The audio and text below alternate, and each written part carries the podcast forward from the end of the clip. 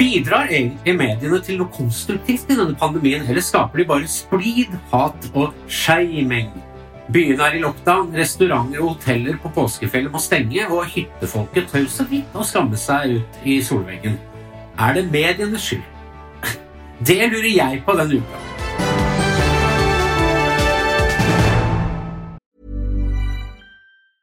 I'm Sandra, and I'm just the professional your small business was looking for. But you didn't hire me because you didn't use LinkedIn jobs. LinkedIn has professionals you can't find anywhere else, including those who aren't actively looking for a new job but might be open to the perfect role, like me. In a given month, over 70% of LinkedIn users don't visit other leading job sites. So if you're not looking on LinkedIn, you'll miss out on great candidates like Sandra. Start hiring professionals like a professional. Post your free job on linkedin.com/people today. Burrow is a furniture company known for timeless design and thoughtful construction and free shipping, and that extends to their outdoor collection.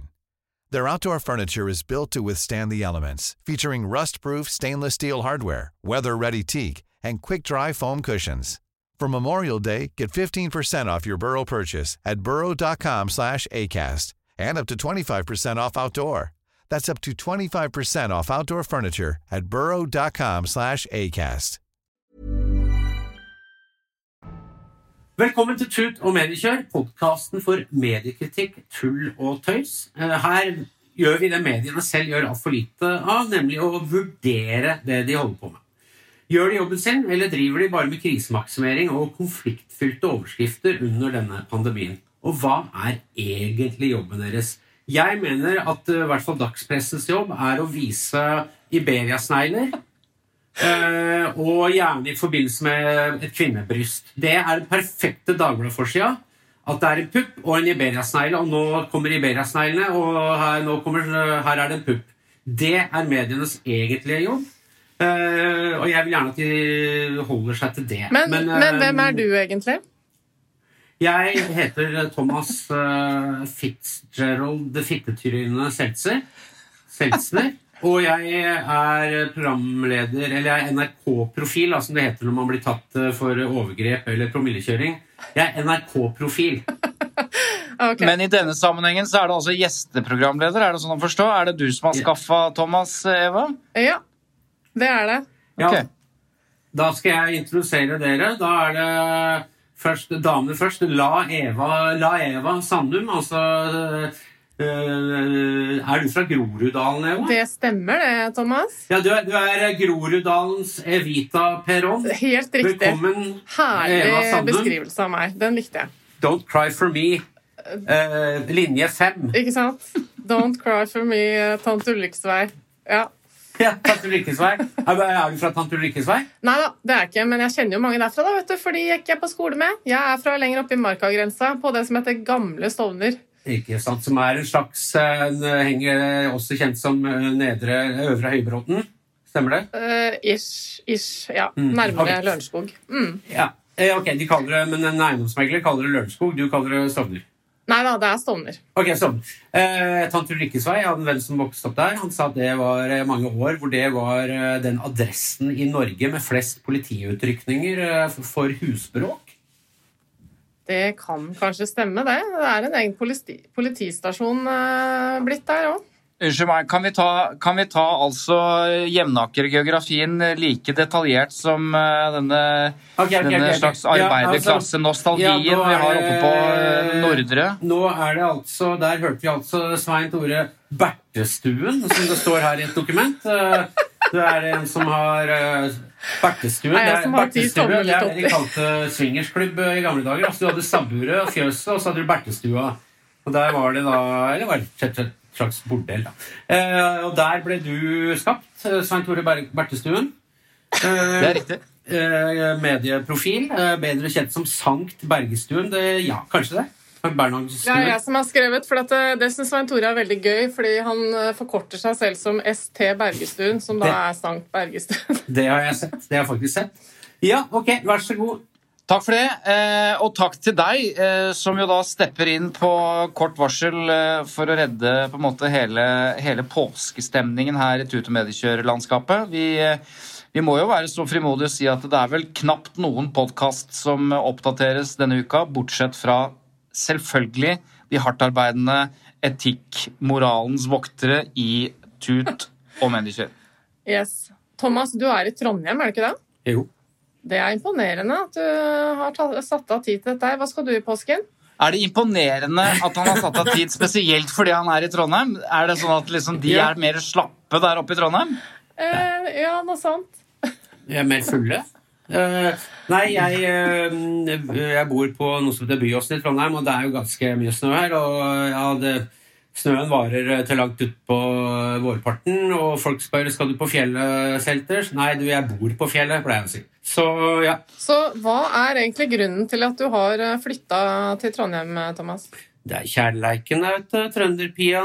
Oh. Og, det er jo, så er det så fint Altså, når du ser Når du ser de sitter der på solsiden her, de trønderpikene, i sin tynneste Gore-Tex og den mest sånn gjennomsiktige merinoulla, eh, kan du si at det overlater en del til fantasien, da. Men da er sommeren her.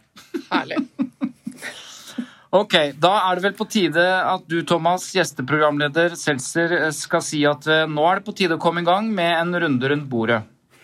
Nå er det på tide å komme i gang med en runde rundt bordet. Perfekt. Eh, der skal alle nevne en liten ting de har sett, hørt, tenkt på eller irritert seg over den siste uka. Det må helst være medierelatert, ikke så veldig sånn relatert til eh, personlig biologi, f.eks. Ja, Det som står i lilla i det dokumentet du har fått, det er bare ment som litt sånn forklaring til deg. Du trenger ikke å lese det. Ok, ok, ok. Ok, ok, ok. Ok, ok, ok. Greit. Så det kan jo f.eks. bare styre ordet litt, eh, Thomas. Du er jo vant til å være programleder. Jeg har jo faktisk vært- gjest hos deg en gang. jeg. Ikke sant, det har du. Nei, Det, og da Husker ble du veldig imponert over hvor altså, Dette er en som kan styre et program og dyrke fram den organiske praten, som jo er min mentor Fredrik Skavlans eh, på en måte uttalte mål. Ok, ok, så Svein Tore, du har en ting eh, du gjerne vil snakke om. Ja, altså ehm, Jeg er usikker på om jeg tør snakke om dette. Fordi eh, denne episoden handler jo litt om eh, medienes rolle i eh, koronaen og krisemaksimering og dette på sett og vis regimet vi har levd under, og hva det har gjort med oss, hva det har gjort med oss som personer, hvor regelrytterske vi har blitt, og nærmest fascistiske noen har blitt, eh, til eh, opprørerne som gir faen, og så er det mediene som på sett og vis skal prøve å dekke dette her da, med, i all sin konfliktorientering, så blir det vi er, så, vi er så frynsete i nervene nå, og da med det medietrykket, så blir det liksom Faen, alt blir en sak, liksom. Og så tenkte jeg, men har det ikke egentlig vært sånn helt fra starten av? Og, da, og grunnen til at jeg ikke vet om jeg skal snakke om dette, er fordi det gjelder min familie. Jeg kan håpe at de ikke hører på denne podkasten, men det som skjedde Du er norsk podcastings uh, Karl Ove Knausgård. Ja, på et, på et vis. Så Her nå, kommer det. nå tar vi Her sats. kommer det. Nå tar vi sats. Ja. Nei, poenget er at eh, For et år siden, da, da vi stengte ned landet, så var jo jeg selvfølgelig på vei til hytta. Eh, og vi fikk en tekstmelding på vei opp til hytta, eller etter at vi hadde kommet opp, tror jeg, så fikk vi en tekstmelding fra kommunen om at eh, her bør dere kanskje ikke være. Og så hadde vi da reist hjemmefra, vi hadde ikke vært i kontakt med noen, ingen, vi bare var på hytta. Så vurderte jeg dit at da blir vi her den helga her, vi reiser ikke ned igjen nå. Liksom, dette er greit, det er ikke en kjeft her oppe. Ingen på hyttefeltet. Eh, som kanskje også var et signal da, om at jeg ikke burde reist. Men uansett, vi var der. Men poenget var at jeg havna i en diskusjon eh, med mine søsken, hvor de tok en helt sånn hva skal jeg si, Det minnet litt om liksom, du vet, når du først får på deg en hvit frakk i en eller annen konflikt og sier at nå er du en, er du en del av dette systemet, nå bare gjør du som du får beskjed om. Eh, og da kan du jo risikere å få da, da kommer det fram noen meninger og noen holdninger som er ganske overraskende. da. Eh, så vi hadde en krangel rundt det hvor det ikke var ørens lyd å få for helt normale argumenter. At liksom jeg prøvde Ja, men hør nå her. Hør. Nei, du må reise hjem. Det, altså, det, var, altså, det var helt vilt, opplevde jeg, da. Så skal det jo sies da at eh, eh, den ene av disse søsknene er jo ikke annet enn på hytta, har vært de siste ukene. Uh, og, for nå er det greit. Nå er det ingen som sier at det er helt krise. Så nå bor hun på hytta. Eh, men, men da jeg antydet noe av det samme, så var det Og hun hadde jo rett. Fordi myndighetene sa at det var feil. Så kom de fram til etter hvert at det kanskje var litt nyansert osv. Poenget mitt med hele historien er bare sånn Det skjer noe med oss, da. Det skjer noe med liksom huet på oss når, når vi liksom kommer eh, Når vi kommer i sånne veldig uvante situasjoner hvor myndighetene gjør uvante ting. Og da mener jeg at eh, helt til slutt da må du klare å holde huet på rett plass. Du må klare å tenke selvstendig, og ikke bare, liksom bare løpe i den retningen noen sier at du skal løpe. Da, da er du bare Så- flokkdyr som ikke tenker sjøl. Ja, altså du, du, ser, du opplevde altså at din familie ble altså Sånn som i, hva de sa om gamle DDR, at én av ti eh, av alle var på lønningslista til Stasi, drev- og familiemedlemmer og barn som drev og tysta på foreldre. og Akkurat. Eh, Det er det du beskriver, altså at de har fått et direktiv, og så blir man eh, gestapist i sin egen eh, nærmeste familie. Ja. Det er det jeg opplevde. Men eh, ja, da vil jeg bare si det eh, Cry me a river. Eh, jeg syns det skulle vært mye mer av det. Eh, faktisk, og jeg, altså, bare Jeg har ikke Denne pandemien Altså, Kina eh, Om de skapte eller ikke det altså, I Kina så sveisa de igjen dørene til folk. Sa nå blir du der inne. Kommer du ut her, så dreper vi deg. Og se på dem nå. Se på dem nå. Nå er det festivaler. Det er, det er full Kina er oppe og, og ruller. Eh, Mens resten av verden, spesielt vestlig-verden, så er det sånn jeg har mine rettigheter, og spesielt det med hytte og ferier og alt mulig sånn. Og, og så er det de som ikke tror på dette her, og så er det noe grunnlovsgreier, mas med det borti USA. Bla, bla. Altså, de, man skulle bare kjørt bånd totalitære totalitær eh, greie med en gang, og så ville vi blitt ferdig med det. Så du er litt mer på diktatur? søsken, eh, mine søsken eh, Du er enig med mine søsken, du er mer enn meg. Det er sånn, Seltzer? Ja, jeg er mer på dikta... Altså, eh, som jeg snakket om eh, Men eh, jeg så en T-skjorte en gang hvor det var bilde av pyramider, og så sto det 'Slavery. It gets shit done'. Og det er noe med at eh, ja, eh, det koster litt eh, frihet, men så ble, hadde vi blitt kvitt eh, Altså midlertidig tap av frihet. Så hadde vi blitt kvitt den sykdommen eller dette viruset mye tidligere. Ålreit. Så mye for min utlevering av familien. Eva, hva har du på hjertet? Eh, først har jeg lyst til å bare gi en liten utfordring til Thomas. eh, fordi du posta i går på Facebooken din. Noe morsomt. Så, eh, så du, hvor du skriver If you say fuck off backwards, it's still fuck off, but in an Irish accent. Kan du prøve? Ja, altså fuck off. Uh, Altså, det blir uh, Fuck if? Fuck, if? Nei, det blir jo oh, Fuck Uh, fuck. Ja, foko. Ja. Nei, de er uh, Faen, det er rar dialekt.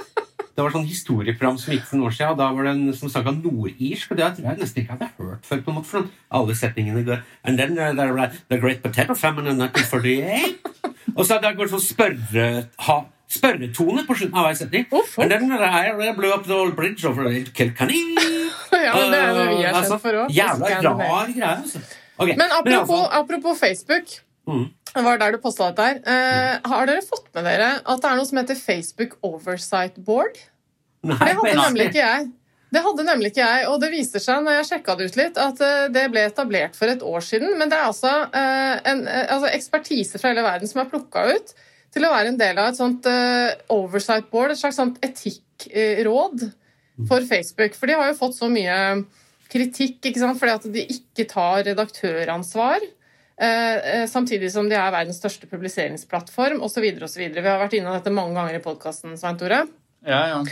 Og nå er jo bl.a. blant annet tidligere statsminister i Danmark, Helle Thorning-Schmidt, er med i dette rådet. Eller boardet. Ja, rådet. Uh, og så er liksom eh, for, altså Facebook er jo verdens viktigste arena for offentlig debatt. Men, uh, men er det da sånn at eh, Facebook skal bli en slags sånn høyesterett for ytringsfrihet? da? Med, med at det sitter et sånt råd som får et slags redaktøransvar. Hva tenker dere om dette her? Det høres jo vel så mye ut som et sånt der omdømmetiltak, spør du meg. Fordi de har fått så jævlig mye kjeft, så nå setter vi opp et sånt råd som eh, Jeg vet da faen, jeg. Det virker ikke helt Det Ja. Virker vanskelig å gjennomføre, da. Ja, Men de skal ha beslutningsmyndighet, dette rådet? Skal de bestemme hva Facebook skal og ikke skal? ja Hvis jeg har Er det, er det enkeltsaker, eller er det retningslinjer? Jeg tror det er begge deler. Det er litt vanskelig å finne god informasjon om det, men rådet har begrensa makt, har jeg lest. det, at eh, de har, altså, de har siste ord i enkeltsaker som de tar opp, men de har ikke makt til å forandre Facebook sine regler. Eh, Og det er Nei, jo de skal bare gi råd, ikke sant? ja, det det blir er det litt som sånn ligger i det. De skal gi råd. Ja. Fordi, eh, ikke sant? De, de har jo opptil 90 dagers behandlingstid. Da. Tre måneder på et eller annet som har skjedd. ikke sant? Og da er jo Mm. skaden skjedd allerede. Så det blir vel kanskje litt mer sånn som Kringkastingsrådet, da, at de vurderer ting i ettertid. Men eh, Mm. nei, jeg bare syns det var litt interessant at de nå nærmer seg et forsøk på litt mer sånn redaktøransvar, som de jo har fått veldig mye kritikk for å ikke ta, da. Ja, Det blir spennende. Jeg tror ikke noe på det. Du tror ikke noe på det? Nei. Du tror det er sånn jål- jåleri? Etter Enron-skandalen så holdt Bush jr. en pressekonferanse. På, på, på banneret på veggen bak han, backdropen, så var det trykt uh, CSR. Corp det, var det, det var et eller annet sånn Corporate Social Responsibility. Det var sånn fint koseord, men du bare skjønte at eh, det var sånn Orwell-bullshit uh, Ja. de luxe. da. Ja. Men uh, ja, det er kanskje det dette er. Det er sånn spill for galleriet med uh, etikk og At de kan vise til dette på en måte da, hvis eh, neste gang det blåser. Mm. Ja, ja. Ja. Det at de har, opp, det at de har satt ned dette rådet, viser jo at de tar dette på alvor. Ja, Vi jobber, de- ja, vi har, vi har en liten vei å gå og sånn. jeg, jeg burde jobba i First House!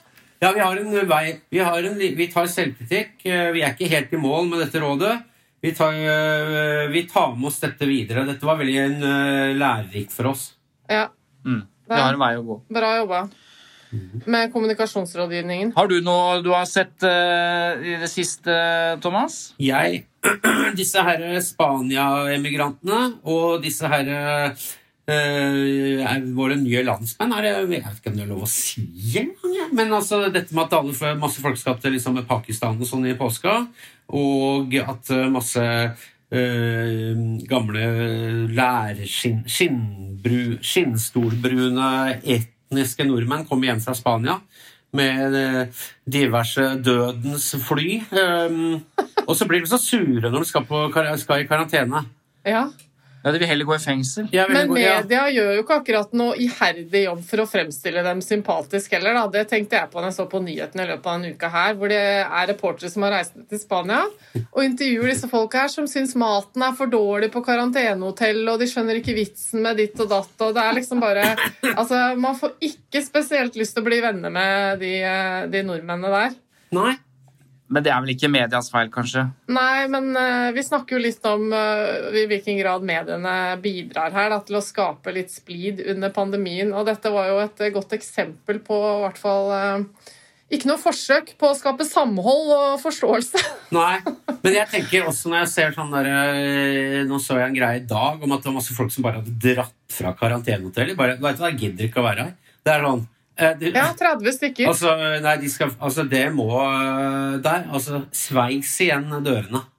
Altså, nå er det nok, nok bullshit, og det er ikke Du kan ikke bare reise Altså, hun der øh, influenseren fra Big Brother, hun som drev og flyr til Dubai og sånn hele tida Altså, du vet, Det gikk jo så langt at hun Altså, de er jo vant til Hun har jo tatt en del plastisk kirurgi før, men hun måtte faktisk til eh, få spesialtime hos eh, sånn intimkirurg nede i Dubai for å få, for å få redusert flyskamleppene sine. Og da, det sier litt. Ok. Du, Og eh, vips, så fikk Eva, Nikki Lauda nye ører. Eller øreflipper. jeg, jeg tror det er på tide, eh, fordi vi har altså en gjesteprogramleder som, eh, som ikke bare er en hang til, eh, til diktatoriske løsninger, men som trenger litt motstand. Altså, Vi har jo ikke kommet til sak én ennå, så vidt jeg har skjønt. Har vi det, Eva? Hva er sak én, Thomas? Ja, Det er altså hyttefolk i Bærum. Da var det masse styr om det forrige uke. At eh, de, Det var jo folk som skulle eh, da være dose én eller to, det husker jeg ikke. Og så ba de om å få utsatt dem, for de skulle på hytta, for det var jo midt i påska. Sånn at da ble hele på en måte Bærums uh, vaksineprogrammet ble forskjøvet. da. Så dette vil jo da få en slags sånn sommerfugleffekt, hvor en liten sommerfugl blafrer med vingene på dønnski, og så er det storm i Sandvika, og da er det ingen som får disse her eh, sprøytene sine. Sånn at, eh, ja um, Hva har media med dette det å gjøre? Media lagde veldig stor sak av det, så er det bare 25 av det eh, det gjelder. Og det bor i en, i en kommune på 130 000. Altså, Nå må vi oppklare litt her, Svein Tore. Ja, greiene er jo at um, sånne som Thomas, da, som er litt opptatt av at folk gjør som eh, de har fått beskjed om, man, kan få, man, kan jo lett bli provosert når hele vaksineprogrammet til Bærum kommune tilsynelatende blir utsatt fordi det, blir massiv klaging fra hyttefolket i Bærum, for de orker ikke å ta fri. De skal være på hytta. Mm. Uh, dette kastet alle seg på, inkludert VGs kommentator Leif Welhaven, og uh, det blei løfta på NRK og i det hele tatt. og Landet gikk jo fullstendig opp i liminga. Det var full fyr i alle leire, i alle sosiale medier. Og Så gikk det litt tid, og så viste det seg at av de 1000 som skulle da vaksineres denne påska, så var det bare 25, altså 2% som hadde fire uker tidligere ringt og sagt du vet hva, vi kunne ikke flytta på det. Så viser det seg at tallet på de som har lyst til å utsette vaksineringen i påsken, er jo mye høyere i alle andre kommuner. Enten det er Tønsberg eller Oslo. 2% er faktisk ganske lite. Men det var nok til å bygge opp under fordommene mot dette rike herrefolket i Bærum. Um, og dermed blir det interessant uh, mediemessig, fordi at uh, Budstikka, som er lokalavisen som tok tak i denne saken i utgangspunktet, det var jo de som satte fyr på det. Og så klarte ikke de andre mediene å lese artikkel nummer to, der det faktisk sto at det var 25. Så det ble bare en slags sånn massehysteri ut av det. Eh, men jeg mener jo at Budstikka kanskje har noe å svare for selv også, som ikke gadd eh, å sjekke hvor mange det egentlig var i sine opprinnelige artikkel. Jeg kan, jeg kan, informere om eh, fra Retriever, da, som er sånn analyseselskap for medieinnhold at det er skrevet 122 artikler om denne Bærum-saken. Så den har skapt litt eh, ringvirkninger, kan du si. Ja, ja, men det skjer Det er, det er medienes oppgave å rapportere om ting som skjer. Ja, Absolutt. Ting som skjer, og ting som ikke skjer, f.eks. Men spørsmålet du lurte på i innledningen, Thomas, var jo om mediene gjennom sin dekning, som tilsynelatende bare er å rapportere om det som skjer og blir sagt, mm. om de bidrar til sånn utrolig irritasjon mellom grupper under pandemien. Og her har de vel kanskje bidratt litt? Ja, jeg ble irritert ja, når jeg så dette første gangen. Eh, for jeg vil gjerne ha den vaksina mi så fort som mulig. Og da får sånne der, eh, de folka der ute får bare for, altså, drite forskyve ting. Mm. Og så viste, seg, så viste, det seg at nettopp fordi det var så uh, få, så var det kanskje kommunen da, som var ja, kanskje de har skjøvet disse 25 stakkars pensjonistene foran seg og sagt fint, da tar vi fri. Da ventet vi til over påske, så, så, fikk de også fri. Og så viser det seg at det er ingenting som visstnok er forsinka, fordi de vaksinerer alle de andre som kommer osv. Men poenget er i hvert fall at eh, Kjersti Sortland, som er ansvarlig redaktør i Budstikka, sa jo litt det du sa, Thomas, at vi, vi skal jo rapportere det som skjer. Og de, hun sa jo at vi kan ikke unnskylde en sak som siterer kommunal myndighet ordrett. Og så tenker jeg vel, uh, du kan beklage en sak selv om du siterer folk ordrett, hvis de ikke har med vesentlig informasjon. Så jeg spurte da Sortland om det var noe Budstikka sånn sett i ettertid, som satte fyr på det her, kunne gjort annerledes. Vet du, Budstikka gjorde ikke noe faglig gærent. Det var en veldig fin sak i Budstikka eh, som gjenga eh, offentlig myndighet helt presist. Der offentlig myndighet gav uttrykk for at de hadde møtt mye Eh, overraskelse, klaging, eh, folk som hadde andre planer og spurte var det mulig å utsette dose to av de to vaksinene man skal ha til etter påske, for de hadde tenkt å gjøre noe annet i påske. Eh, og i samme sak så ble det også skrevet at de ansatte da kunne få mer påskefri hvis man utsatte. Bærum kommune fant ut at Eh, det var ikke så farlig å utsette noen dager, så det var helt greit. Og kommunens byråkrat mente i dette intervjuet at da, da kunne dette passe fint å avlyse. Men så er det jo som lokalavis da, vår jobb eh, for innbyggerne her, eh, når kommunen skylder litt på sine innbyggere som ikke har lyst på påskevaksine, eh, og at vi sjekker eh, om den beslutningen er klok og framstår velfundert. Så eh, et par timer etter den første saken eh, så eh, ringte jeg til redaksjonen og så spurte jeg du, hva er det faktiske antallet. Hvor mange i Bærum faktisk avlyste. Og et par timer senere så fikk vi det tallet, og det var da 25 av 1075, altså 2 Når du sier Sortland, at um, det var ingenting galt med den saken fordi dere har sitert offentlig myndighet helt korrekt. Det er kanskje ikke tilstrekkelig å sitere offentlige myndigheter korrekt all den tid vesentlig informasjon ikke er med? Kan vi være enige om det? Eh, altså, I og med at jeg ville ha den informasjonen fram eh, fortest mulig, så sier det jo at jeg syns den informasjonen er viktig. Men, men allikevel, den første publiseringen vår hadde med fire elementer. Den hadde et veldig godt case som var irritert på kommunen for hvorfor i all verden de skal avlyse, og det er jo sakens kjerne. Eh, at, byråkrat, altså at Bærum kommune velger å gi en veldig pussig forklaring, eh, altså nemlig at de skylder litt på innbyggerne sine, det kan jo ikke journalisten i Budstikka gjøre noe med. Eh, så nei, jeg, jeg mener det jeg sier. Det var ikke noe faglig galt med saken. Men eh, vår jobb er jo med en gang man har gjort en publisering, gjort et intervju, å følge opp med og bore videre.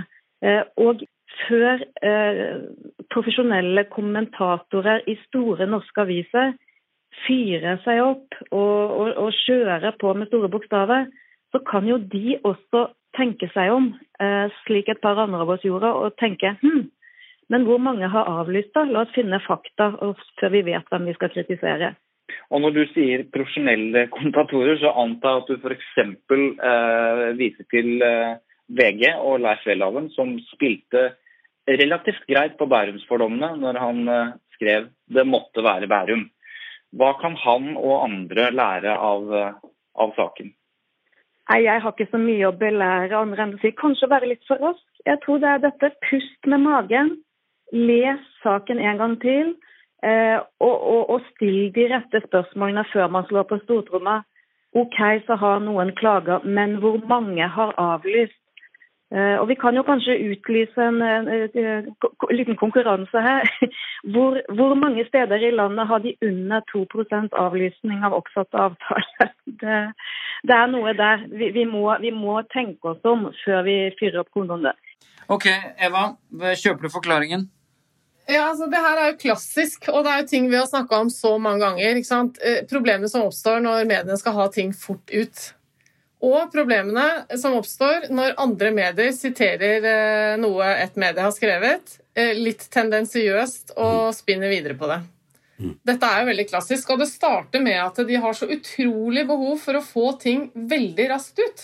Og så, når det til slutt, så må man skylde på to ting det er, som man ofte gjør i media, det er offentlig sektor, eller byråkrater, og de voksne. Hun om, når hun snakka om VG og disse NRK, og sånn, så var det omtrent som at vi, vi i lokalavisa vi er barn. Eh, men de, at de voksne valgte å gjøre det samme som oss, det syns jeg, det synes jeg da, det er en bra liksom, eh, Da må vi rope varsku. Altså, her, her, slår det flere ting inn. Altså, En ansvarlig redaktør eh, har et forståelig behov for å beskytte sine journalister og, og, sin redaksjon. Så hun må forsvare utgangspunktet, at det var en bra artikkel eh, hvor de hadde sitert korrekt, og de hadde noe case osv. Men poenget er at de manglet det helt åpenbare oppfølgingsspørsmålet. Når det er massive protester, som kommunen sier, hvor mange var det igjen? Det er bare det spørsmålet de trenger. Eh, det måtte sjefredaktøren selv ringe til redaksjonen og be de gjøre. Så her står hun i skvis mellom å liksom være litt enig at vet du hva, selvfølgelig burde vi hatt med det, men da er det kritikk av egen greie, og så alvorlig var det ikke, så de ville ikke. Men så men gjør noe annet som jeg mener er litt verre. da. Hun skyver som du sier, Thomas, ansvaret over på at de som har tatt denne saken, de har ikke lest den godt nok, for vi hadde jo noen timer etterpå en oppfølging osv. Og, eh, den, og den er ikke så god, da, selv om jeg er jo helt enig i at uh, det er en læring for veldig mange her. Hold your fucking horses, og så spør du er dette stort problem, eller er det ikke et stort problem? Så viste det seg i deler av Oslo så er det et stort problem, for der er det veldig mange. Men da har jeg lyst til å si en annen ting. Vi fikk et tall fra, fra Bjerke bydel på at 60% ikke to, men 60 hadde sagt nei i påsken. Altså over halvparten hadde gitt faen og dratt på hytta, kunne virke som. Og igjen så var vi i gang. Så tok jeg en telefon til Bjerke bydel. Kan dere ikke forklare dette 60% Ja, For det første er det ikke riktig, sier hun, men det ville ikke Dagbladet, som var først på ballen der, eh, liksom høre på. Og en annen ting. Veldig mange av de eldre, denne eldre befolkningen som dette gjelder, de har ikke vært hjemme i Bjerke på mange måneder. De, er, de tør ikke å reise her. Så det er ikke snakk om å reise på hytta. De har ikke hytte. 40% av Bjerke bydels befolkning er innvandrere. Eh, altså Det er ikke noe sånn hytterik kommune der, men det fikk man inntrykk av når man leste. Nei, de vil ikke dra tilbake i påsken. Eh, så det så nyansene blir fullstendig borte da, ikke sant? når man kaster seg på disse tallene og, og har mm. fått liksom fot for vinklingen om at hyttefolket gir faen i resten av dugnaden. Så det her er det mye å lære oss. Det var greit at, at Dagbladet ikke ville høre på det. er liksom som hun sjukepleieren sykepleieren eh, som da Giske angivelig hadde antasta ned på Bar Vulkan, og hun ringer han derre tjommien i VG og sier at uh, du må, Ja, det ble litt mye. Hun ble mm. sitert på at ja, Giske var bortpå liksom, Men det ble litt mye. Og så vi gikk derfra. Mm. Og så sier hun det. Jeg har aldri sagt. Hvorfor skriver du det i VG? Ja, altså, ta bort det. Og så gjorde hun jo ikke det. Var det ikke noe sånt? Jo, det var, det var hele, det var, altså, Giske sin karriere ble jo endt på den ene delsetningen der. Det ble jo avslutta med det. Og for, de, den var jo fiktiv. og for de som er interessert i presseetikken rundt dette, så har vi eh, tatt opp dette i mange episoder. Men det var en artig oppsummering av saken eh, allikevel, Thomas. Ja, det var det. For den var, den var tett på sannheten. Eh, det håper jeg. Men dere, mm. vi har fått en uh, lytterhenvendelse fra en som heter Einar, som faktisk bor i Spania. En uh, norsk mann. Og han lurer på Um, han har et innspill. Forskjellen på dekning av vaksiner i ulike land er jo slående. Koronadekningen generelt er også veldig ulik. I Norge slås raskt negative korona- og vaksinenyheter opp med krigstyper, mens her i Spania virker det som at media i større grad er en del av apparatet som skal sørge for at folk gjennomfører tiltak og tar vaksine. Mer nøkternt, men kanskje også litt propagandatendenser. Veldig satt på spissen, så klart, men mm. de støtter seg nok på styresmakten i større grad enn norske medier, medier tror mm. han. Jeg tar uansett heller litt propaganda i dette tilfellet enn akkurat nå-krigstypene til eh, Dagbladet. Og mens AstraZeneca kanskje blir skrota i Norge, skal jeg og alle mine lærerkollegaer i Valencia-regionen vaksineres med AstraZeneca i dagene som kommer. Mm. I hvilken grad dette skyldes mediedekning, er et betimelig spørsmål, tenker jeg, skriver Einar. Ready to pop the question? The jewelers at BlueNile.com have got sparkle down to a science with beautiful lab-grown diamonds worthy of your most brilliant moments. Their lab-grown diamonds are independently graded and guaranteed identical to natural diamonds, and they're ready to ship to your door. Go to BlueNile.com and use promo code LISTEN to get $50 off your purchase of $500 or more. That's code LISTEN at BlueNile.com for $50 off. BlueNile.com code LISTEN. Burrow is a furniture company known for timeless design and thoughtful construction, and free shipping, and that extends to their outdoor collection. Their outdoor furniture is built to withstand the elements, featuring rust-proof stainless steel hardware, weather-ready teak, and quick-dry foam cushions. For Memorial Day, get 15% off your Burrow purchase at burrow.com slash ACAST and up to 25% off outdoor. That's up to 25% off outdoor furniture at burrow.com slash ACAST. Det der er interessant, for jeg har hørt mm. akkurat det samme fra andre jeg kjenner i Spania, som sier at det er ikke noe bråk her. Det er rolig. altså Tingene er helt rolig. Og dette er et jævlig paradoks. Unnskyld, nå banner jeg mye, men ja, det er det. Du blir litt påvirka av selvstendighet. Ja, eller jeg vet ikke. Nei, det er det som er rart. Men poenget er det er et paradoks. fordi at eh, Man skulle jo tro at et land eh, med en modell og en historie som Norge, hvor tilliten til offentlige myndigheter eh, og tilliten mellom hverandre er veldig høy Vi har tillit. Vi er ikke sånn at vi tror at alle politikere er bad guys og skurker og korrupte jævler. Eh, I motsetning til i visse eh, eh, land i Sør-Europa, hvor de tror, og helt berettiget, at veldig mange er korrupte.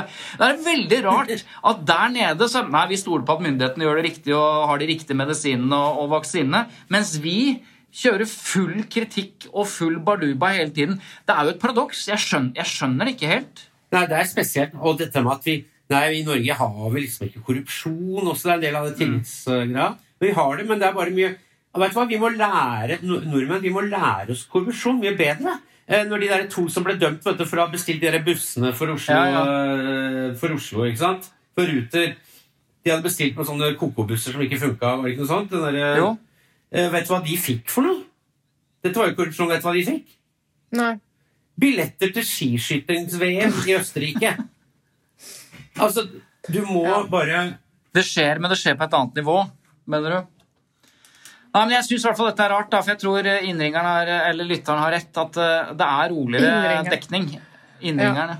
Ja. At, eh, Jeg har jo Det snakket, var glødende sentralbord. jeg har snakket litt med Retriever, for de er jo så snille og fòrer oss med informasjon når vi trenger det, da, om medienes dekning av forskjellige ting. Eh, Og det de har sett når de måler ting, er jo For det starta jo, da vi snakka mye om Stein Tore, i dekningen av pandemien i starten, så var jo mediene veldig sånn lydhøre for myndighetene. Det har jo skjedd en utvikling der. eh, Hvor de kanskje var litt mer sånn som han beskriver spansk presse nå. Eh, Mens de etter hvert har blitt mye mer kritiske for å oppfylle sin rolle i samfunnsdebatten, rett og slett. da. Stille spørsmål ved myndighetenes beslutninger og sånn. Men eh, det som de ser på målinger, er at det, all det der snakk om dugnaden som var i starten, det, det målte jo helt sky high, den omtalen av dugnaden. For det var jo veldig sånn spesiell greie i Norge, det, bruken av det ordet. Det har falt veldig nå. Det snakker vi ikke så veldig mye om lenger. Den dugnaden er liksom litt ferdig, for nå er folk drittlei. Ja, og når hun som leder dugnaden gir faen nå, så er jo kanskje at det da er liksom skudd for baugen, da. Det er Det ja. ja. Ok, nei, men Skal vi konkludere med den saken, da? At, eh, at eh, vi har i hvert fall en, en, eh, en dekning når det gjelder korona som er litt overspent for tida, skal, skal vi si det sånn? At vi kan med fordel ta i hvert fall det rådet fra Budstikkas redaktør på alvor. At vi puster litt med magen, så ikke vi hisser oss opp eh, over alt som eh, uten å ha nyansene i, eh, i sakene. Det er en Ja, fordel, tror jeg. fordi den vaksine, eventuelle vaksinemotstanden blir jo ikke noe bedre av stadige oppslag om folk som har fått bivirkninger osv. hvis ikke det er satt i en kontekst og analysert litt mer da. Det er ikke det vi snakka om i forrige uke. Konstruktiv journalistikk nødvendigvis. Nei, og Vi trenger ikke flere vaksinemotstandere. Hvis det er noe vi ikke trenger, så er det mer korona og flere vaksinemotstandere. da. Mange lyttere har henvendt seg til Tut-redaksjonen og lurt på om Vær varsom-plakaten også gjelder for annonser. Veldig godt spørsmål. For etter at flere aviser publiserte en annonse for stiftelsen Mor, far, barn, som mange vil si er eh, hatefulle eller negativt innstilte mot eh, homofile, har flere sett rødt. Hva skjer med journalistikken hvis det blir vanlig å kjøpe seg annonseplass for å få ut sitt budskap, spør Kristine, Ja. la oss kalle henne det. ja. Ja, dette er, Ja, dette er, det er veldig interessant. Ja, dette er interessant på, på, på så mange nivåer. Um, Prinsipielt, ikke sant. Presseetikken gjelder ikke presseetikken for annonsene. Eh, hva, hva er det sjefredaktøren egentlig kan sette foten ned for? For han eller hun har jo da ansvaret for alt som står i avisa i utgangspunktet. Um, så hva tenker du sånn umiddelbart, eh, Thomas? Eh, er det større eller mindre takhøyde for betalt eh, budskap i avisen? Hvordan bør det være? Ja, altså eh, Redaktøren må Men man pleier vel å si at det skal være brannmurer mellom redaksjon og eh, annonseavdelinga. Men eh, det er jo vel redaktøren som vel har ansvar for alt som blir printa i det media. eh, Og også om det er betalt eller ikke, mener jeg bør være sekundært. eh, ja. Så, Det er helt ja. riktig. Altså, eh, eksempel eh, I VG så er det Gard Steiro som har ansvar for både annonsene og for artiklene. Eller på TV, da. Eh, Olav Sandnes har ansvaret for alle reklamefilmene. eh, Like mye som programmene og nyhetene. Og når jeg sier ansvaret for, så har han det, det etiske ansvaret, og han har det Det juridiske. juridiske ansvaret Ja, for alt. det er riktig. Og nesten mer Jeg mener det er nesten strengere enn journalistikk. For det er som, som denne Kristine sier, da, så kan man bare kjøpe Altså, eh, det er helt klart eh, ja, Man antar jo i hvert fall at journalister og redaksjoner og sånn innenfor mainstream-media skal ha en, en eller annen viss sånn eh, ikke Hippo, hippokratiske, hippokratiske ed. Mm. Men eh, ikke sant, og det forventer man ikke fra private eh, folk som skal selge et eller annet med reklame. Men derfor eh, altså, at hvem som helst bare kan komme med en million kroner og skrive liksom at uh, ja, Svein Tore Bergstuen er, eh, må drepes.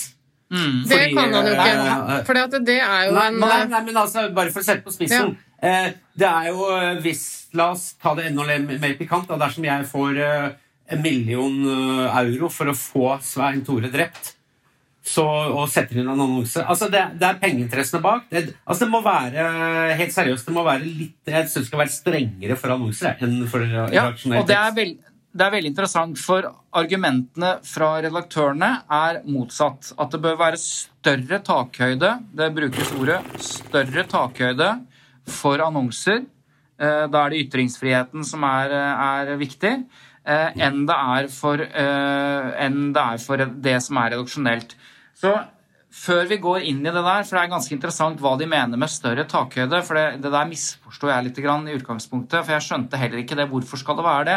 Sånn at du, det er Jeg har vært med å formulere det en gang, jeg. ja, ja, for det, dette er formulert ut fra uh, ve- eh, kjennelser i uh, Pressens faglige utvalg, for dette har jo blitt behandlet før. Men før vi gjør Kjenner du Kjenner du til Pressens faglige utvalg, Seltzer? Nei, jeg, har- jeg har hørt om den HPFU-reformen, om at folk som ikke får jobb i media pga. mental eh, retardasjon, at de får jobb i et slags sånn eh, råd. Ja, det er Kringkastingsrådet, det, Thomas. Ja, også, Nei, HPFUR. HPFU Altså, det, det rådet skal møte helst i nærheten av der de bor. Så det ikke skal gå så langt. HVPFU. HVPU. Jeg lagde en humor ut av sammen meg- PFU og HVPU. Ja, jeg skjønner. Jeg skjønte, jeg Men- det, Thomas. Men, men kan jeg, Jeg før vi. Eva.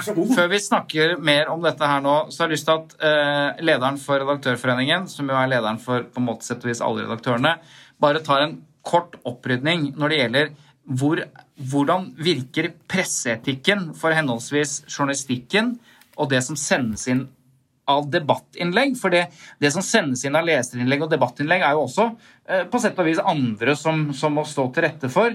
Og så i siste instans, hva er det som gjelder av presseetikk på annonseplass? Så Ja. eh, la oss bare høre det først.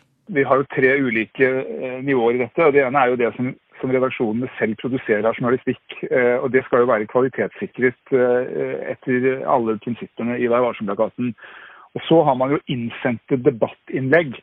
Eh, hvor det også gjelder eh, krav til eh, kvalitetskontroll. I den forstand at du kan ikke la, la hvem som helst fremme hvilke som helst påstander på debattplass og si at dette er et leserinnlegg, så det har ikke vi noe ansvar for. Injurier, privatlivskrenkelser, sterke beskyldninger som, som utløser samtidig møtegåelse osv. Mange av disse prinsippene er de samme på leserbrevplass. Og, og til en viss grad også opplysningskontroll, men ikke så sterkt som i redaksjonens eget materiale. Og så er det tredje nivået er jo da eh, annonseplass, hvor, eh, hvor det jo skal være tydelig for publikum at dette er kjøpt og betalt. Og da skjønner også publikum at da er det annonsøren, altså den som kjøper og betaler, eh, som, er hoved, eh, som er ansvarlig for budskapet. Og så har redaktøren noen eh, i gåseøyne negative forpliktelser, nemlig å passe på at du ikke publiserer annonser som bryter med norsk lov, eh, og også at du ikke publiserer annonser som, eh, som bryter med enkelte punkter i Vær varsom-plakaten. For det er jo mulig eh, å utløse samtidig møtegåelse også på annonseplass, eller utløse tilsvarsrett.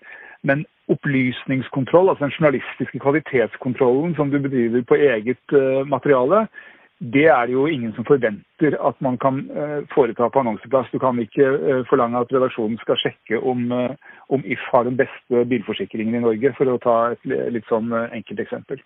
Ok, Så det er det første. ikke sant? Det er ulike nivåer her. At, eh, at eh, Vi kunne jo ikke ha hatt annonser eller reklame hvis, hvis, eh, hvis redaktøren og journalisten skulle faktasjekke alle opplysninger i produktinformasjonen som gis i reklame om, om å si, alt fra såpe til, tannkrem. Det til beste av norsk kjøtt fra Gilde, liksom. Altså, det er, ja. det, det tror jeg alle skjønner.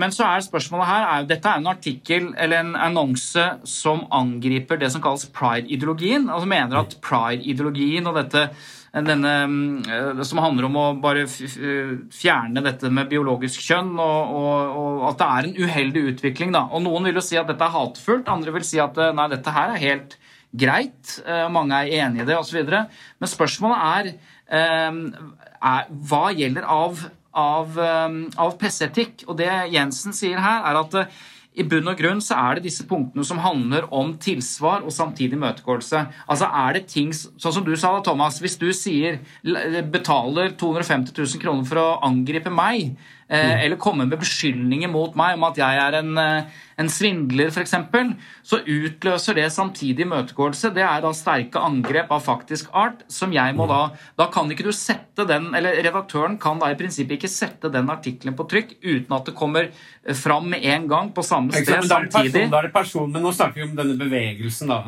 Riktig. Så, så det er jo ingen grunn til å tro at den, at den uh, utløser tilsvar eller samtidig imøtegåelse. Kanskje tilsvar, Kanskje til, men men, nå rydde opp i Det er ikke så lett for folk å vite forskjellen på de to. Altså Noe som utløser tilsvar, det er at man opplever at man har rett til å få lov til å svare etterpå Mm. på noe som de mener er feil eller unyansert osv. Men det er ikke så alvorlig. Det er ikke en faktisk beskyldning som er så alvorlig at det, det, det utløser et krav om å få svare der og da på samme sted. ikke sant? Så det han spør, det er en leder av FRI, da, organisasjonen FRI, som heter Inge Alexander Gjestvang, som, som stiller spørsmålet etter dette innlegget fra stiftelsen Mor, far, barn, om det da er sånn at eh, han må, må kjøpe seg betalt plass for å svare på denne kommentaren i en betalt annonse. Eh, det er jo det han liksom lurer nå på, med Ja. rette, syns jeg. Det er ikke så Og rart. svaret, eh, på, og svaret på det, og det har vi fra tidligere behandlinger i PFU, det er ikke sånn at du trenger å kjøpe annonseplass da, for hvis det, er, hvis det er en annonse som utløser tilsvar, så skal du ha rett til å komme med det tilsvaret på redaksjonell plass, altså debattplass. Det fins en uh, fellelse som du har vært med på, Uh, Eva Sandum, da du satt i Pressens faglige utvalg.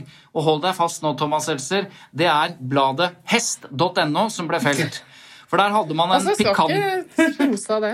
Nei, nei, Ja, men er Den pikante situasjonen, ikke sant? At, at det, var en, det var en konflikt, og så den ene parten i konflikten følte han ikke hadde fått sagt nok, så han kjøpte plass på annonseplass og kom med masse beskyldninger mot uh, noen andre. Med den, Men- med den, suggestive tittelen 'Hest er best?'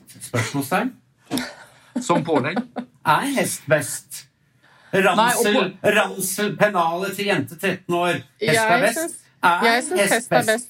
Jeg syns hest er best. Og det som gjorde at hest.no ble felt, da, bl.a. av Eva Sandum, som satt i utvalget den gangen, det var jo kolera? fordi, fordi at eh, mannen som ble, eller, eh, eller interesseorganisasjonen som ble angrepet på annonseplass, fikk ikke eh, tilsvar eh, på redaksjonell plass. Og det mente eh, Pressens faglige utvalg at det burde han fått. Eh, så, så, det, så annonser kan utløse tilsvar, og du kan bli felt Ja. hvis du ikke gjør det. Så ganske enkelt oppsummert, hvis du har blitt angrepet eller anklaget eller føler at noe er unyansert og feil eh, som omhandler deg i en annonse, så Mm. kan du da ta kontakt med samme avis, samme publikasjon, og si at det, jeg mener nå har rett til å få svare på dette. Og Mm. da utløser det en slags plikt hos det mediet om å sette det svaret på trykk, fordi man har eh, tilsvarsrett. Det er hele poenget her. En annonse som er litt mer kanskje relevant, da, det var for noen år siden så var det, var det en organisasjon med Israel eh, Hva heter det? Med Israel for fred, eller mot fred? MIF? Eller, eh, MIF? Nei. MIF, ja. Mi- MILF? Milf, ja. Med Israel. Lor, lor, lor, lor fred. Ja.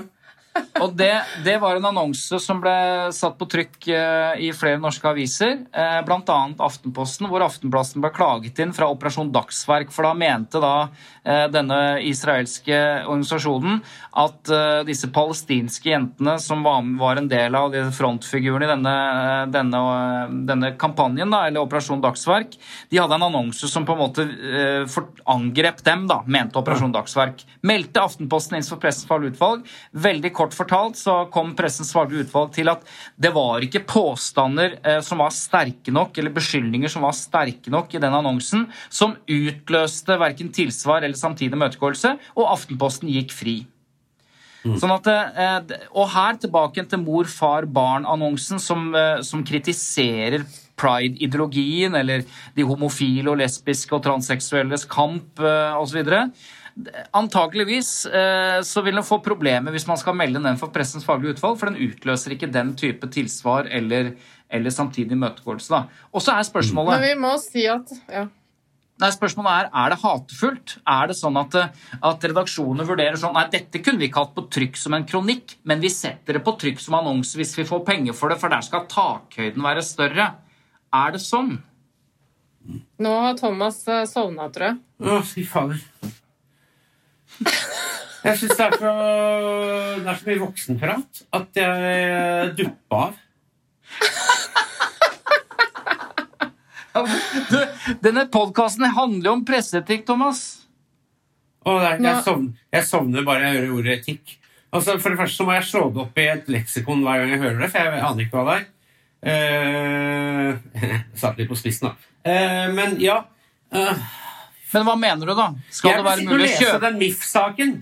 Men det skal det være mulig å kjøpe seg til eh, drøyere påstander bare du setter på annonseplass, mens det er, eh, det er påstander som du ikke kan få på trykk eh, eh, på Det siste, debattplass? det siste jeg tenkte før jeg duppa, var eh, når de sier eh, at de skal trykke en imøtegåelse.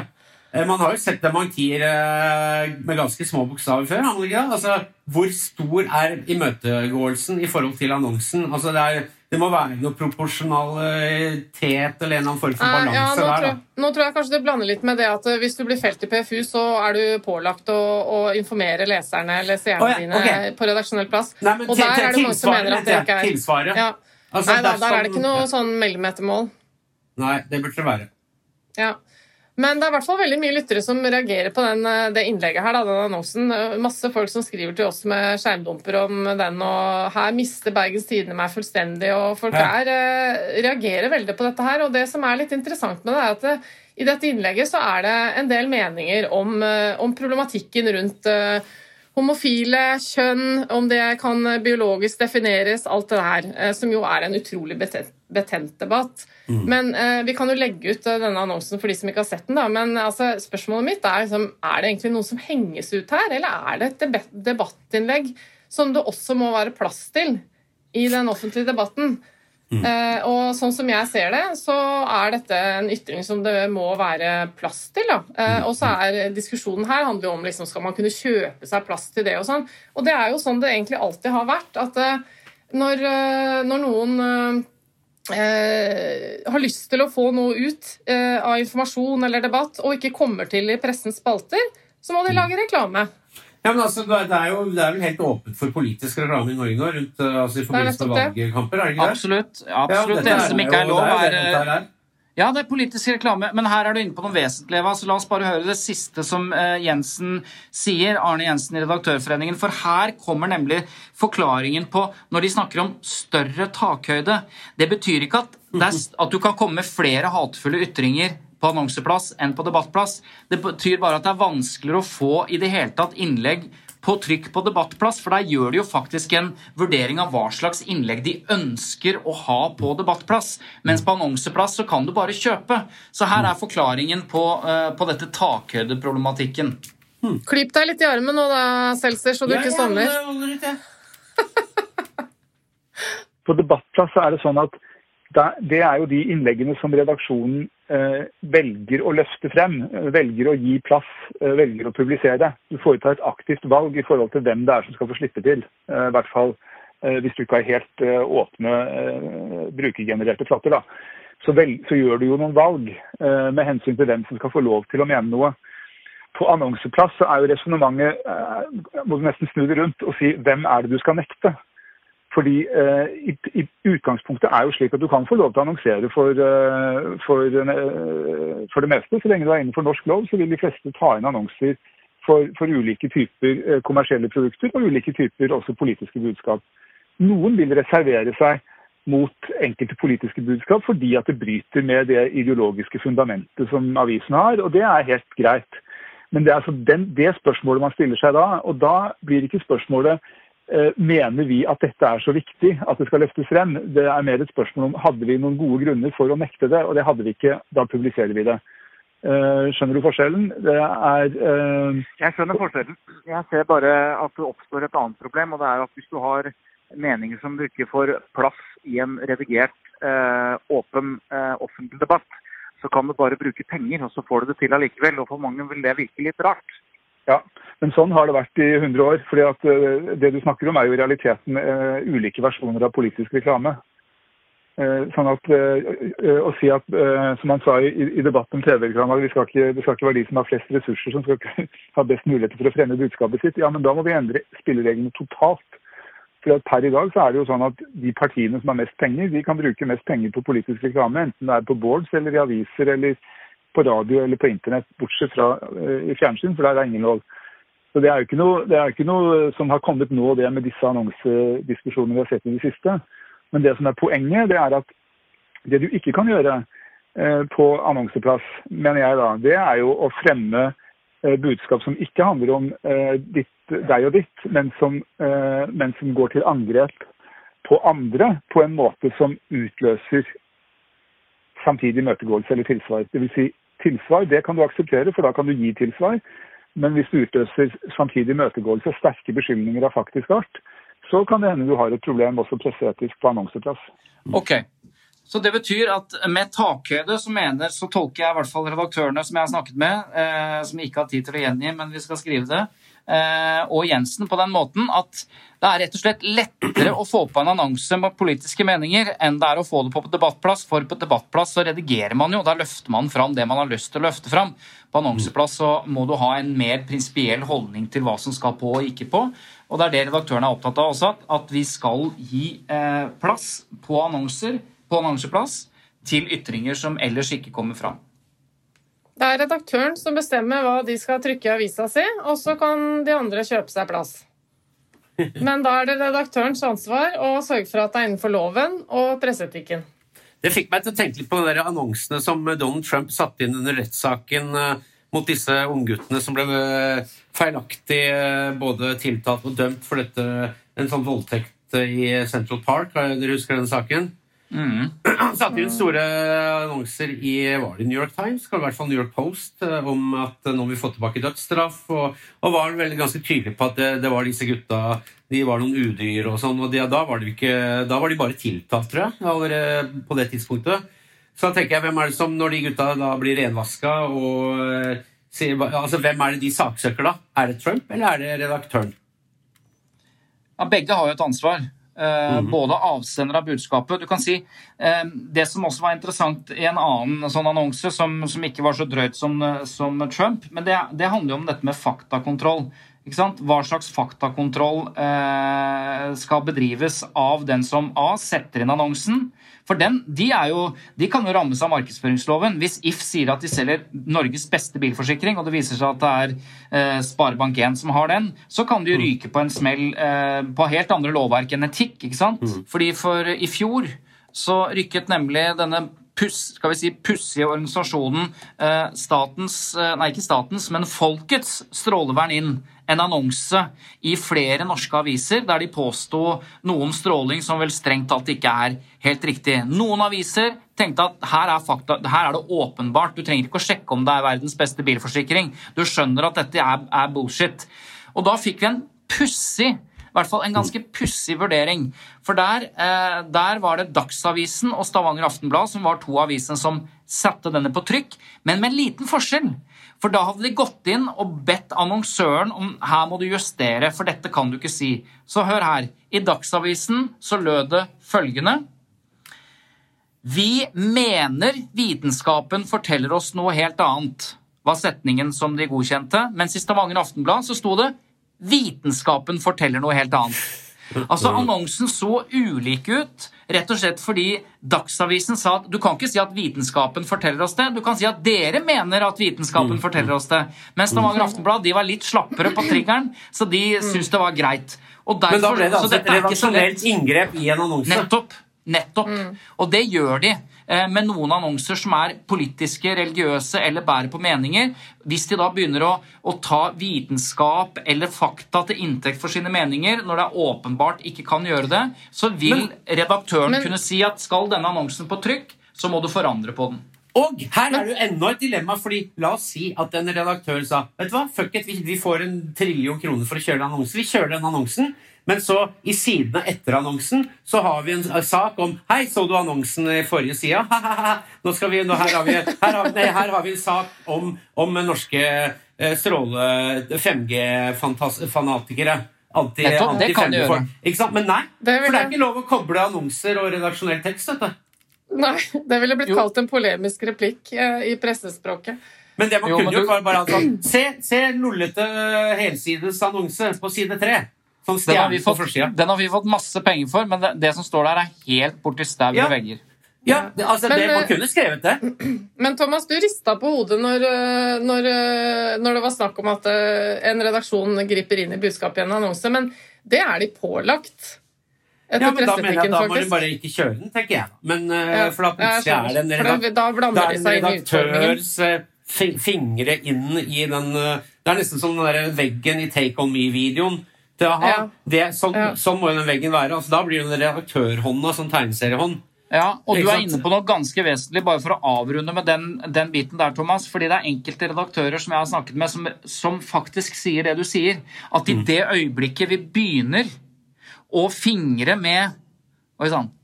Fingre med annonsene, så kan vi samtidig da bli skyldt for at ja, men nå har du, nå har du gjort ting eh, på den måten for å godkjenne. Nå går du god for den, nå, da. Og Nå må blir du fullføre samleie.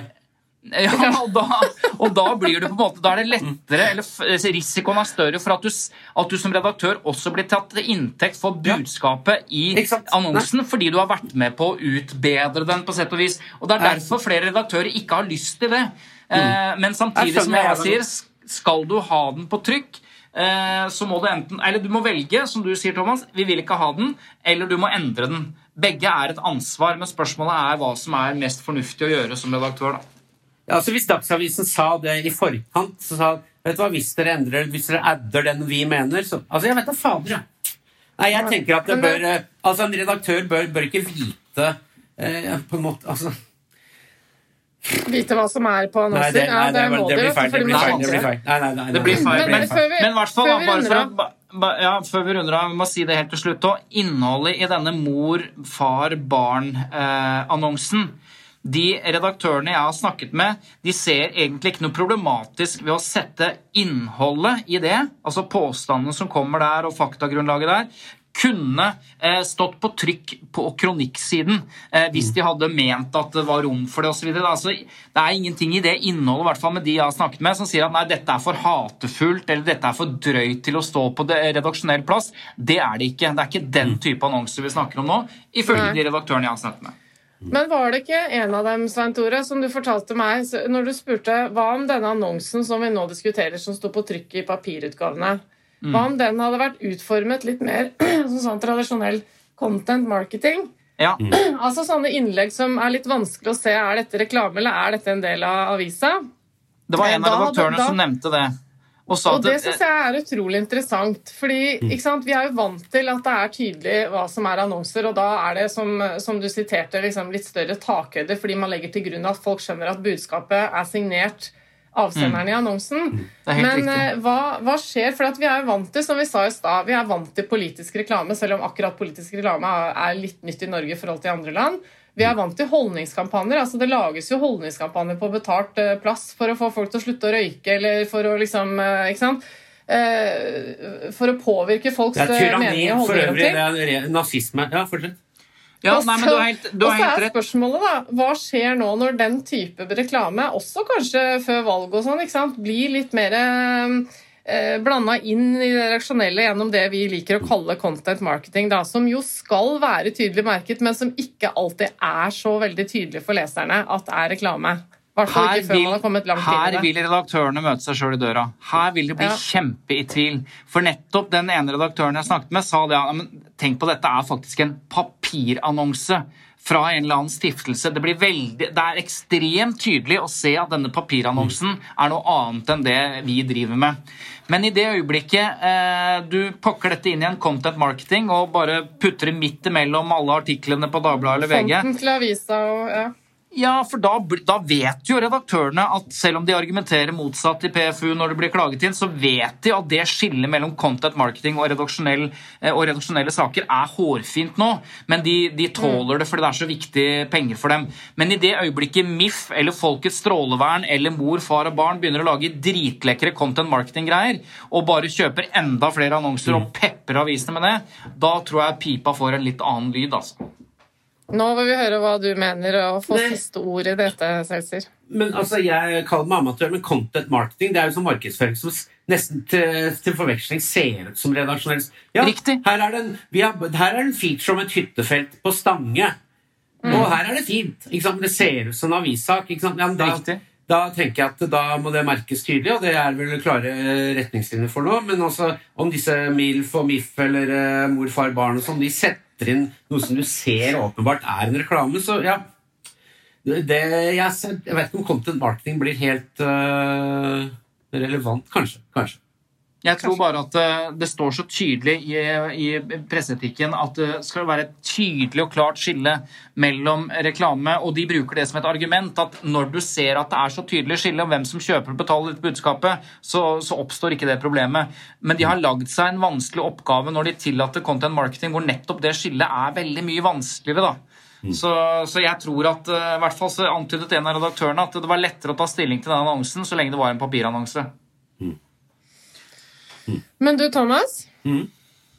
Har du lyst til å runde av denne påskesendingen med noen kloke ord, noen tanker? Noe du har på hjertet? Ja, har jeg egentlig det? Jeg, ehm, jeg vil bare si at øh, Jeg vet ikke. Det er noen derre Når man ser disse reaksjonene på karantenehotell og hytteforbud og sånn som, som Altså de, de reaksjonene man har sett hos folk Jeg tenker at det er ikke media nødvendigvis som har vært som liksom alene har liksom blåst opp konflikt- og panikknivået i pandemien. Altså Jeg ser folk jeg kjenner som ikke fikk dra på hytta. Altså De går fullstendig bananas. Da tenker jeg da er det veldig Det er snakk om ilandsproblem. Og øh, ja, altså eh, Nei, det er ganske fascinerende å se hvor lite som skal til for å få, før folk begynner å skrike om menneskerettigheter, blant annet.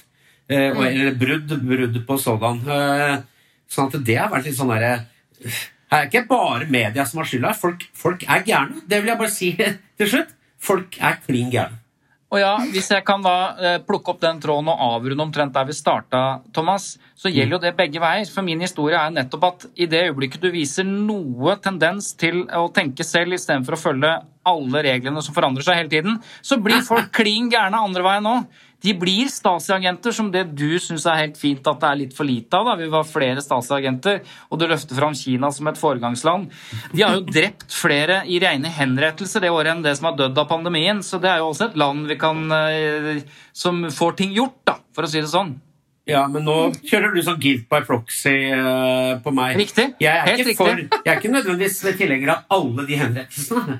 Å nei, ok. Nei, nettopp.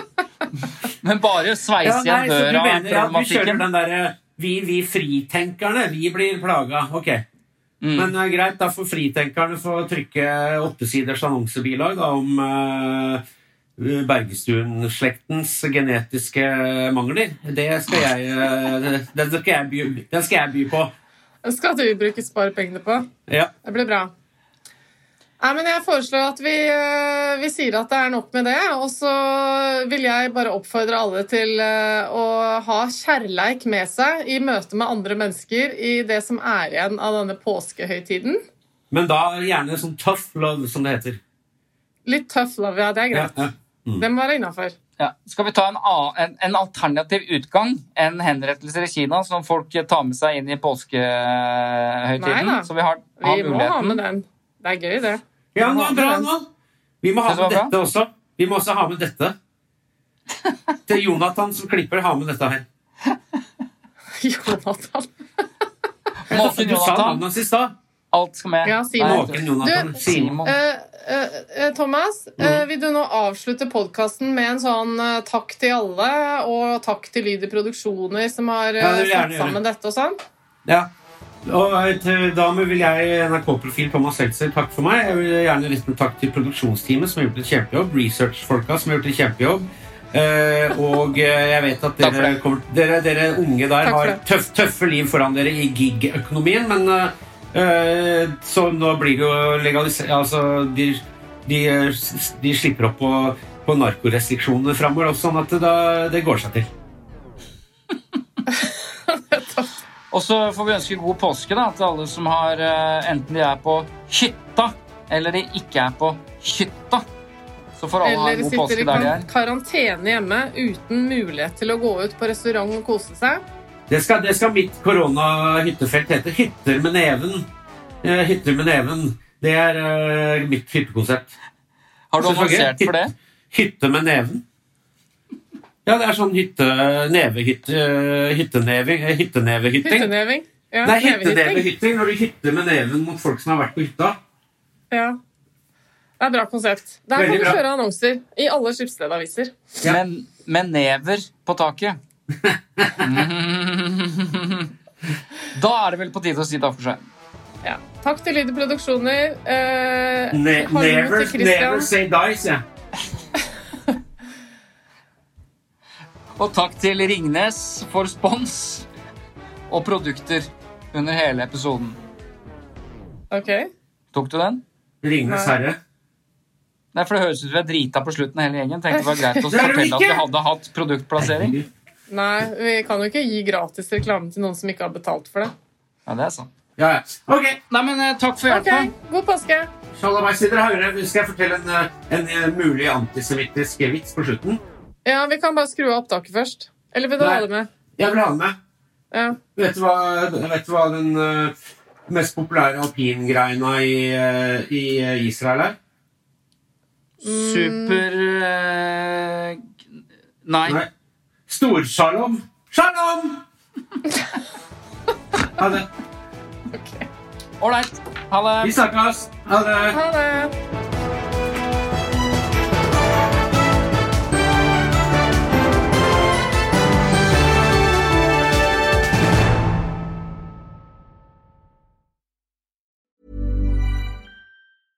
Normally, being a little extra might be a bit much, but not when it comes to healthcare. That's why United Healthcare's Health Protector Guard fixed indemnity insurance plans, underwritten by Golden Rule Insurance Company, supplement your primary plan so you manage out of pocket costs. Learn more at uh1.com. Hey, it's Paige DeSorbo from Giggly Squad. High quality fashion without the price tag. Say hello to Quince.